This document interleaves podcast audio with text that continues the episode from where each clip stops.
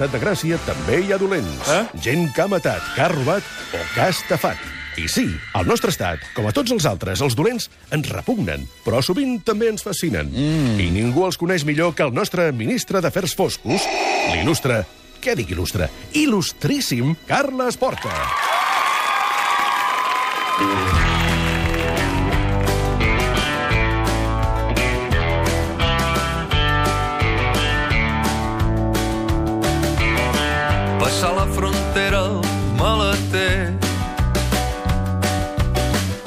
Mercedes verd. Retrobem avui el Carles Porta perquè ens expliqui més coses d'aquest cas, aquest cas brutal que hem titulat La mort venia en camió. Bona tarda, Carles. Hola, president. L'hem titulat així perquè el protagonista és un camioner alemany que viatjava per tota Europa i es va descobrir que era l'assassí en sèrie internacional més important de la història gràcies a unes gravacions d'una càmera d'Hostalric.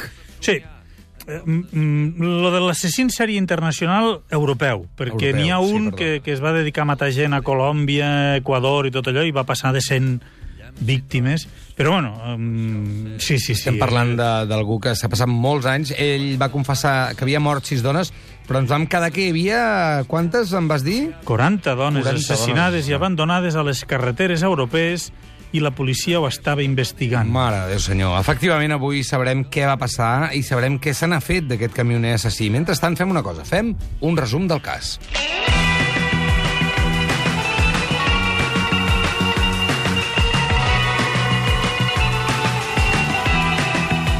Tot va començar el 3 de novembre de 2006 en un descampat del costat del camp de futbol d'Hostalric, on va aparèixer el cos d'una noia de 20 anys, una noia búlgara, de nom Miglena Petrova, que es dedicava a la prostitució a les carreteres de Girona. Per sort, una càmera de seguretat del polígon d'Hostalric va filmar el camió de l'assassí, que va resultar ser el camioner alemany Volker Eckert, de 47 anys. Quan el van detenir, quan el van anar a detenir, a la cabina del camió hi van trobar desenes de fotos d'ell mateix escanyant dones i també van trobar bosses de plàstic amb cabells de les noies que havia matat. Ell mateix va confessar que sempre buscava noies de cabells llargs perquè estava obsessionat amb una perruca de la seva mare, a qui odiava. Mare, això sembla una mica el psicosi d'Alfred Hitchcock. La setmana passada ens vam quedar en el moment en què el Carles Porta ens explicava que l'assassí tenia un diari en què ho anotava tot i ens va prometre que ens en llegiria algun fragment. A més a més, sabrem com acaba la investigació per saber si el camioner va matar o no les 40 dones que es van trobar a les carreteres europees. Som-hi, que tenim feina. Comencem parlant del diari de l'assassí.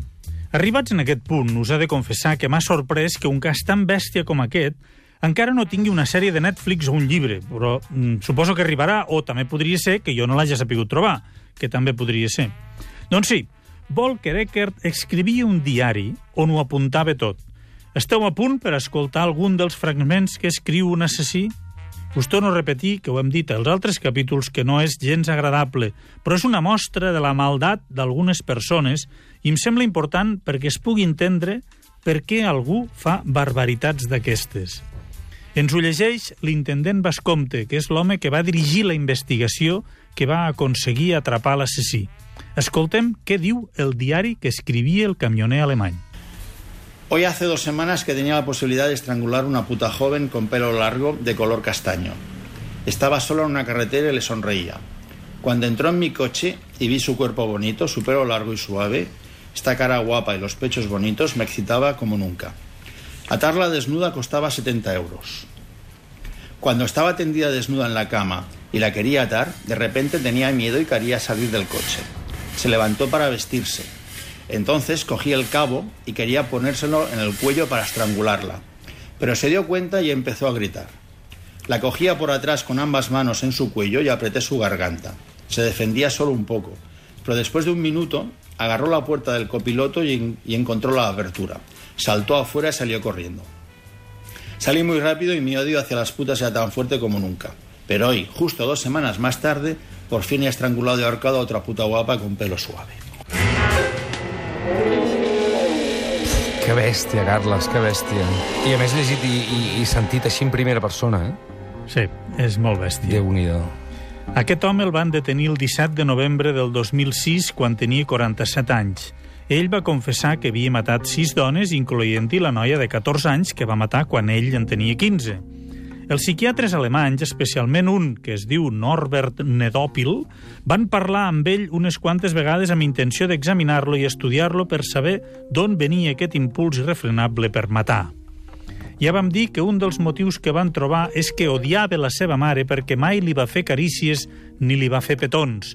A més a més, la mare va fer fora de casa el pare, que era el dolç de la família, i que ell va descobrir la sexualitat molt aviat, als 10 anys, de manera sorprenent, excitant-se amb les nines de cabells llargs de la seva germana.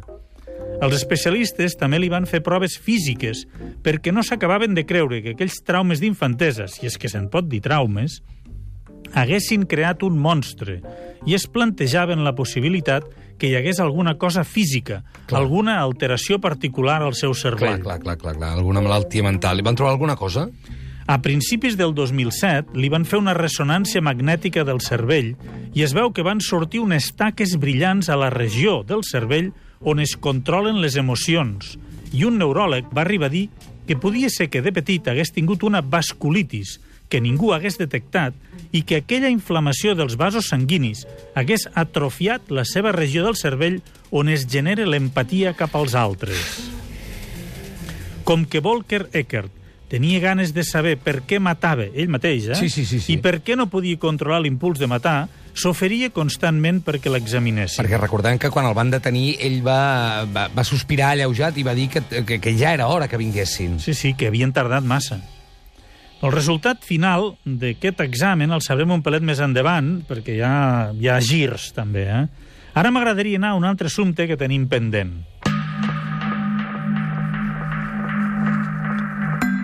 Arran de la detenció del camioner, quan es va saber que feia sis anys que viatjava per tota Europa, es va notificar a totes les policies i van aparèixer 40 casos de dones que havien mort assassinades i se n'havien abandonat els cossos als vorals de les carreteres com el cas de Miglena Petrova, la noia búlgara que l'assassí va abandonar a Hostalric i que va permetre resoldre el cas als Mossos d'Esquadra. Com és possible que fossin els Mossos, probablement la policia més jove d'Europa, qui resolgués el cas si aquest home feia un mínim de 6 anys que anava matant dones per tot el continent? Clar, i a més deixant rastre i ADN. Aquesta pregunta ja la resoldrà cadascú a casa seva. Jo no donaré uns, però jo donaré uns quants elements que ajudaran a la resposta. Val. Primer, escoltem una altra vegada l'intendent Bascomte quan parle de les víctimes. Crec que això ens pot ajudar molt a comprendre coses. Després a Reims, a França, per 80 euros el mateix, parla amb una prostituta de que es deixi lligar i ja està, fotos i cabell. I finalment, amb la Miglena, per 20 euros, per 20 euros, finalment, per deixar-la lligar, li va donar 50, doncs, eh, va passar el que va passar. I que, pobres, el que han de patir aquestes noies, déu nhi Doncs sí. L'intendent i els Mossos que van treballar en aquest cas van patir molt. Però aquestes noies pateixen constantment. Jo em quedo amb la frase de l'intendent. Lo que han de patir aquestes noies, de nhi Estem parlant de prostitutes de carretera, probablement un dels escalafons més baixos de l'escala social. I això, crec jo, va ser tristament determinant en aquest cas. Ara veurem per què. Recordeu que havien aparegut 40 casos similars al de Miglena, Sí. oi? Doncs tots, tots estaven sense resoldre. Els altres dos de Catalunya també. En el cas de la noia d'Hostalric hi va haver el factor sort de la càmera de seguretat que va captar el camió. Però si els Mossos no haguessin treballat intensament preguntant per les carreteres de Girona a les companyes de feina de la Miglena, Clar. difícilment s'hauria arribat a una solució. En el cas de la Miglena hi va haver un altre factor que hi va ajudar.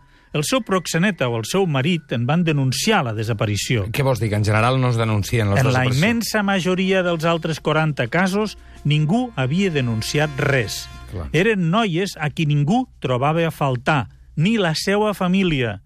I això és molt fort. Doncs sí. És a dir, són dones a qui la vida ha portat a una situació molt complicada, perquè dubto que n'hi hagi cap que ho faci voluntàriament. I que molt probablement ni les famílies sàpiguin on són ni què fan. Tenim l'exemple de la noia que es va trobar sense adornir d'osor mort a l'eix transversal. És veritat. Volker Eckert es va, en va confessar l'assassinat, però fins al cap de dos anys no es va saber la identitat de la noia. Ningú havia denunciat la seva desaparició i ningú l'havia reconegut a les fotos dels Mossos. Però llavors, com es va saber definitivament qui era? Doncs perquè dos anys després de trobar-la morta, en una altra operació policial que no tenia res a veure amb camioners, però sí amb prostitució, es va fer una operació contra un grup de mafiosos russos que feien trata de blanques. I els esclavistes moderns, perquè són esclavistes, tenien més passaports que noies. Val. Els Mossos van agafar un dels passaports sobrants i van veure que la noia de la foto Oh. era la morta de l'eix transversal. Els seus explotadors la tenien treballant a la carretera. L'assassí la va matar i la va abandonar i ningú la va reclamar, ni durant dos anys. Clar, i és el que deies abans, la família no en deu tenir ni idea. Idea d'on són aquestes noies. Marxen un dia de casa seua i, i no, no, és que no comuniquen mai més amb la família. Clar. I això les converteix en enormement vulnerables, també. No? I les altres 40 repartides per tota Europa, què en sabem? La policia alemanya va agafar les dades de la companyia de transport on sortien les rutes fetes pel camioner i va començar a intentar quadrar on s'havien trobat dones mortes i si el Volker havia passat per allí. En alguns casos no coincidia gens i es van descartar. En altres hi havia dubtes que calia investigar sobre el terreny.